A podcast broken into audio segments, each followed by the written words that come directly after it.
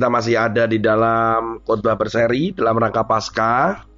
Sekarang kita akan masuk masih di dalam penampakan-penampakan Yesus kepada murid-muridnya. Dan hari ini kita akan masih berkutat pada penampakan Yesus dengan murid-muridnya yang ada di pinggir Danau Galilea. Kita akan masuk di dalam pembacaan firman Tuhan di dalam kitab Injil Yohanes pasal yang ke-21 ayat yang ke-15. Sesudah sarapan, Yesus berkata kepada Simon Petrus, Simon anak Yohanes, apakah engkau mengasihi aku lebih daripada mereka ini? Jawab Petrus kepadanya, benar Tuhan, engkau tahu bahwa aku mengasihi engkau. Kata Yesus kepadanya, gembalakanlah domba-dombaku. Kata Yesus pula kepadanya untuk kedua kalinya, Simon anak Yohanes, apakah engkau mengasihi aku? Jawab Petrus kepadanya, benar Tuhan, engkau tahu bahwa aku mengasihi engkau. Kata Yesus kepadanya, gembalakanlah domba-dombaku. Kata Yesus kepadanya untuk ketiga kalinya, Simon anak Yohanes, apakah engkau mengasihi aku? Maka sedih hati Petrus karena Yesus berkata untuk ketiga kalinya. Maka sedih hati Petrus karena Yesus berkata untuk ketiga kalinya. Apakah engkau mengasihi aku? Dan ia berkata kepadanya, Tuhan, engkau tahu segala sesuatu. Engkau tahu bahwa aku mengasihi engkau. Kata Yesus kepadanya, gembalakanlah domba-dombaku. Saudara, ayat ini sering peristiwa ini juga sering dibahas tentang kasih. Bahkan mengapa sampai Tuhan Yesus bertanya ketiga kalinya. Juga itu menunjukkan penggenapan dari untuk membayar sebenarnya ya. Ada yang katakan untuk membayar, untuk menebus bahwa Petrus menyangkal Yesus sebelum Yesus disalibkan sebanyak tiga kali. Tapi saya lebih kepada satu pemahaman. Mengapa pertanyaan itu berulang tiga kali? Saudara, ketika seseorang bertanya sampai tiga kali, saya melihat ada dua poin. Bahkan kalau sampai Yesus itu bertanya tiga kali, maka saya mendapatkan dua poin yang kita bisa belajar. Yang pertama adalah penting. Ulangi kata-kata saya. Penting. Yang kedua, dalam. Ya, kedalaman.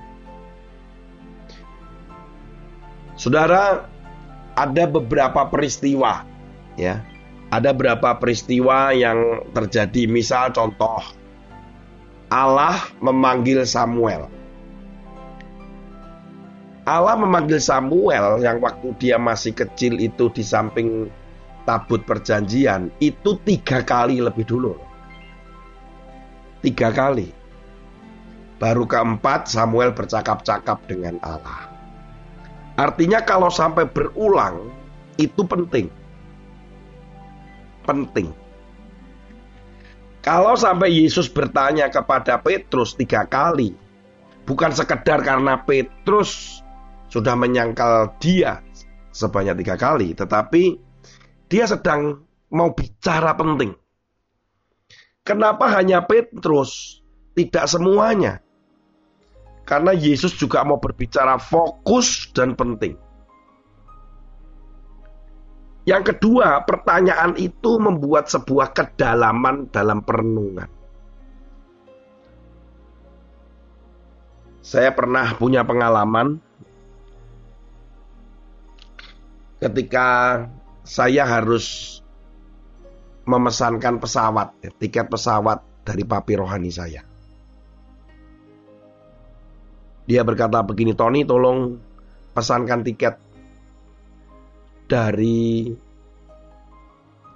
Jakarta ke Kupang. Waktu itu posisi saya juga lagi sedang di Jakarta. posisi saya lagi ada di Jakarta. Kemudian papi rohani saya minta untuk dipesankan tiket dari Jakarta ke Kupang karena papi saya dari Australia menuju ke Jakarta, Jakarta ke Kupang. Entah bagaimana saya sudah menghubungi agen travel waktu itu. Kemudian ternyata tidak ada seat karena terbatas. Pesawat menuju ke Kupang itu pesawatnya terbatas, kemudian seat yang disediakan juga terbatas. Tidak semua maskapai ada penerbangan. Kemudian saya sampaikan kepada papi saya, papi semua tidak ada. Kemudian papi saya tanya, apakah itu sudah maksimal? Saya jawab, iya. Kenapa saya jawab iya? Karena saya bertanya kepada travel di mana itu travel langganan saya dan punya track record yang baik. Terus pertanyaan kedua papi saya. Benar itu sudah maksimal? Saudara, pertanyaan kedua itu kalau papi saya tanya sampai dua kali, yang saya tangkap adalah berarti pertanyaan itu penting. Bahwa apa yang akan dilakukan oleh papi saya untuk pergi ke Kupang itu penting. Dan yang kedua, saya melihat ada pertanyaan yang menghunjam itu untuk saya jawab itu sangat dalam. Apakah itu sudah usahamu yang paling maksimal? Intinya begitu. Saya langsung jawab waktu itu. Saya usahakan lagi ya papi. Oke. Itu belum sampai kepada tiga pertanyaan. Belum sampai papi saya menanyakan itu yang ketiga kalinya. Papi saya cuma tanya Dua kali saja. Apakah itu sudah maksimal? Saya langsung jawab, sudah. Dan papi saya tanya yang kedua kali, benar, itu sudah maksimal. Nah, pertanyaan itu begitu dalam membuat saya menjadi gini, benar nggak ya? Saya maksimal nggak ya? Pertanyaan yang begitu mendalam itu membuat saya harus mengintrospeksi apakah benar-benar tadi sudah maksimal. Ya singkat cerita, akhirnya saya punya kenalan uh, sesama guru sekolah minggu di sebuah maskapai penerbangan dan saya mendapatkan privilege, dapat satu keistimewaan sebuah seat yang mana mahal. Mamang itu untuk biasanya jatah daripada maskapai atau karyawan dari maskapai itu. Harganya hampir dua kali lipat, tapi buat papi saya waktu itu tidak ada masalah. Kemudian saya telepon dan saya berkata, Papi, sudah selesai. Dan papi saya berkata, good, well done. Itu namanya maksimal. Saudara, pengalaman itu mengajarkan saya, serius itu mengajarkan saya.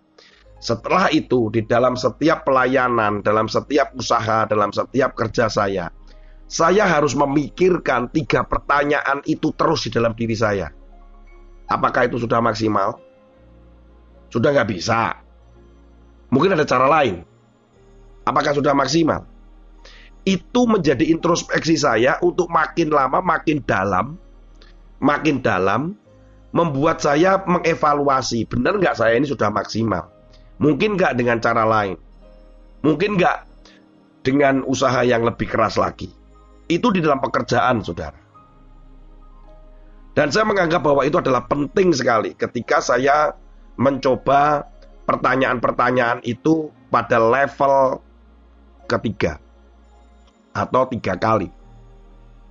Saudara sekarang bayangkan bahwa ketika Petrus ditanya oleh Yesus tiga kali dengan pertanyaan yang sama, walaupun di dalam banyak khotbah-khotbah disebutkan bahwa Yesus itu bertanya, "Apakah engkau agape?"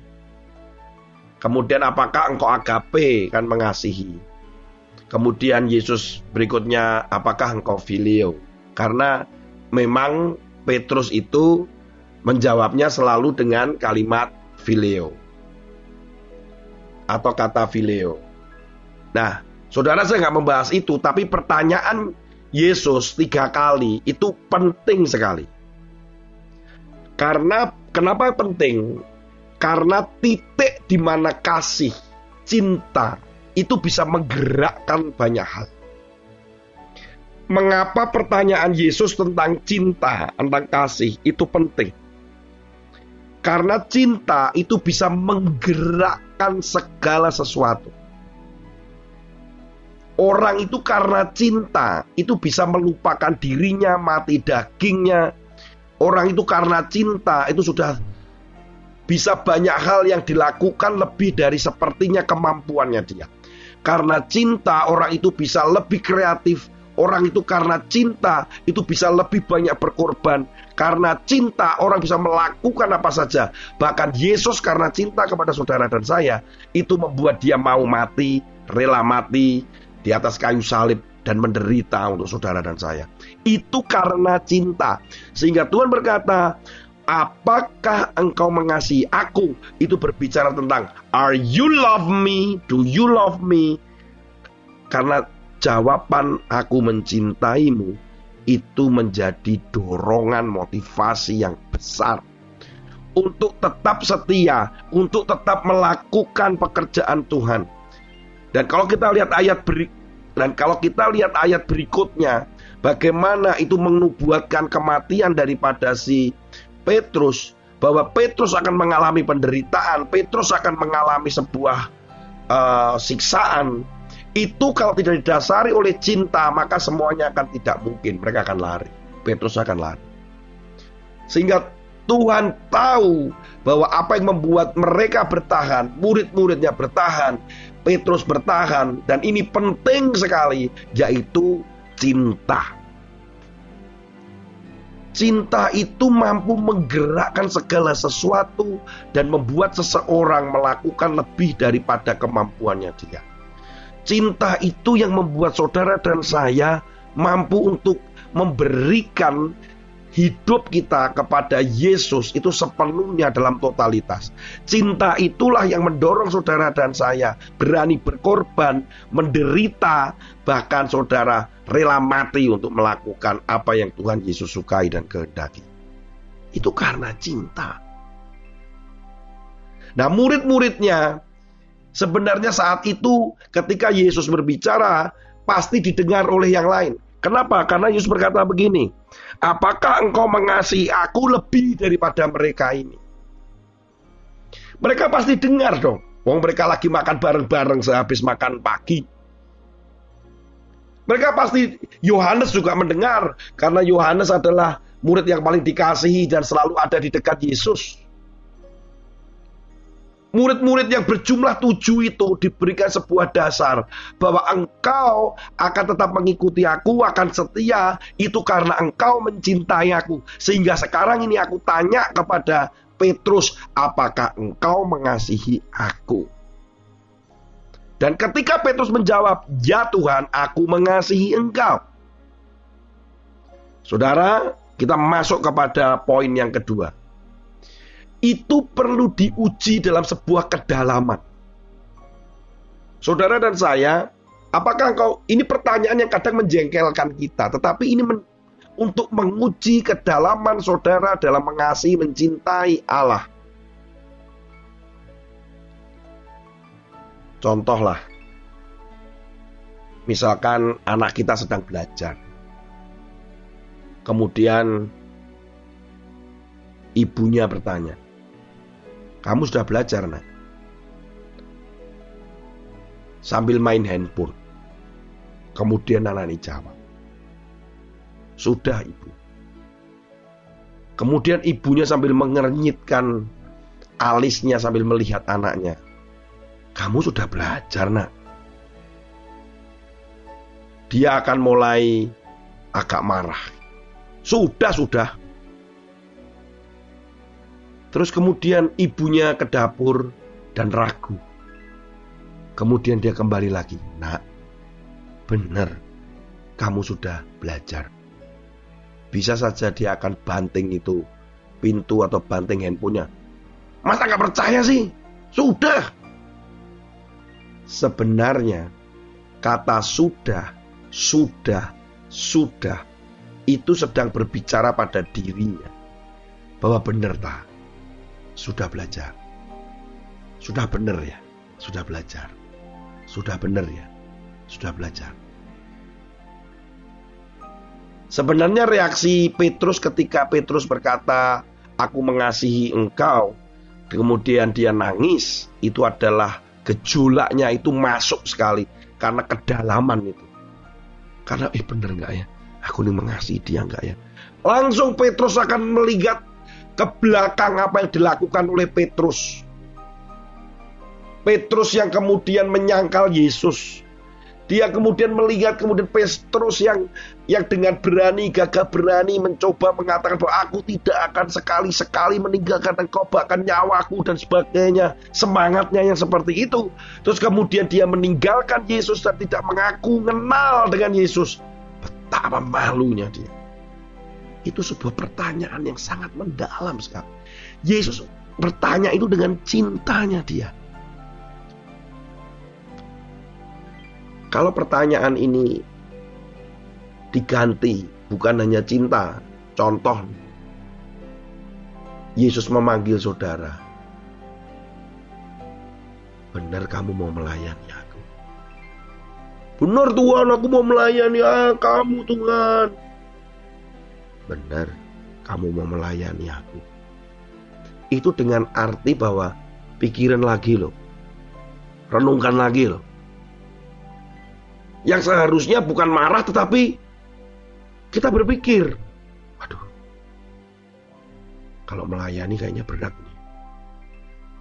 tetapi Tuhan minta setiap pertanyaan itu dijawab dalam ketulusan, bukan dengan kepalsuan, untuk melihat kedalaman, keseriusan, kesungguhan saudara dan saya.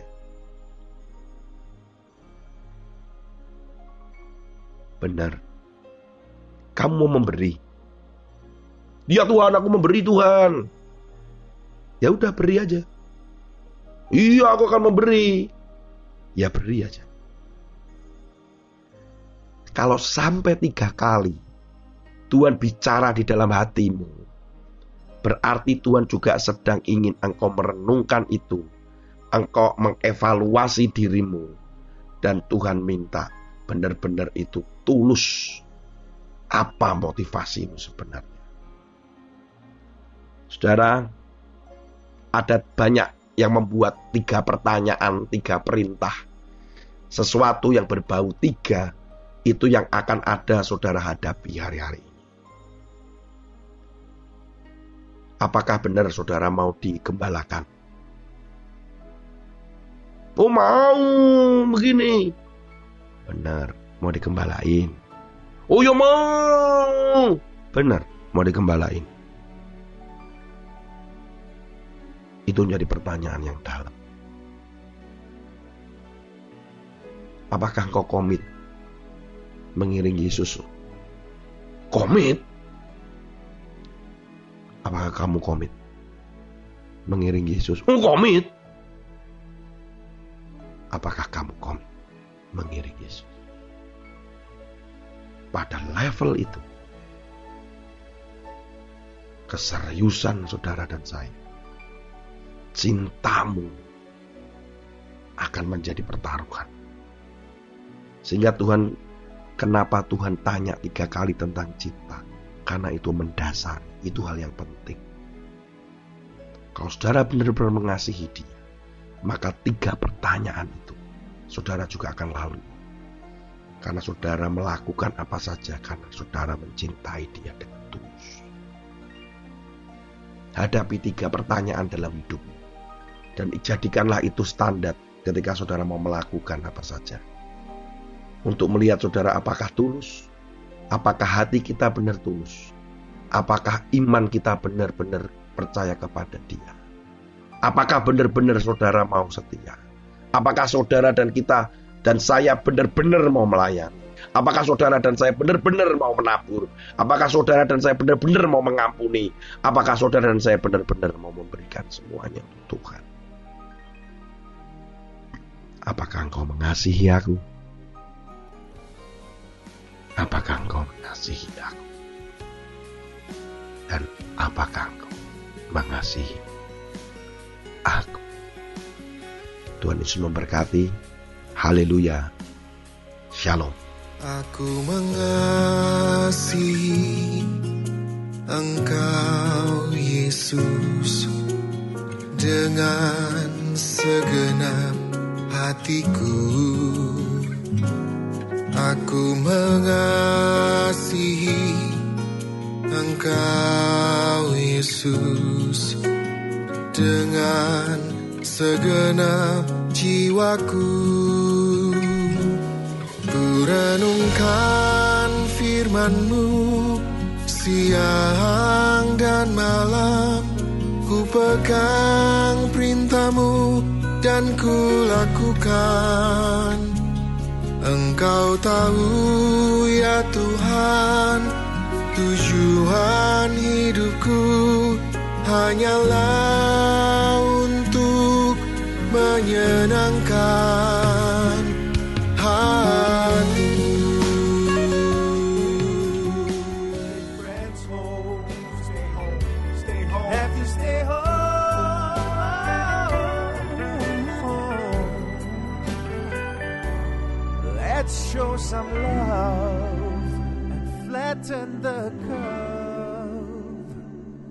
staying at home. Save a life, stay at home.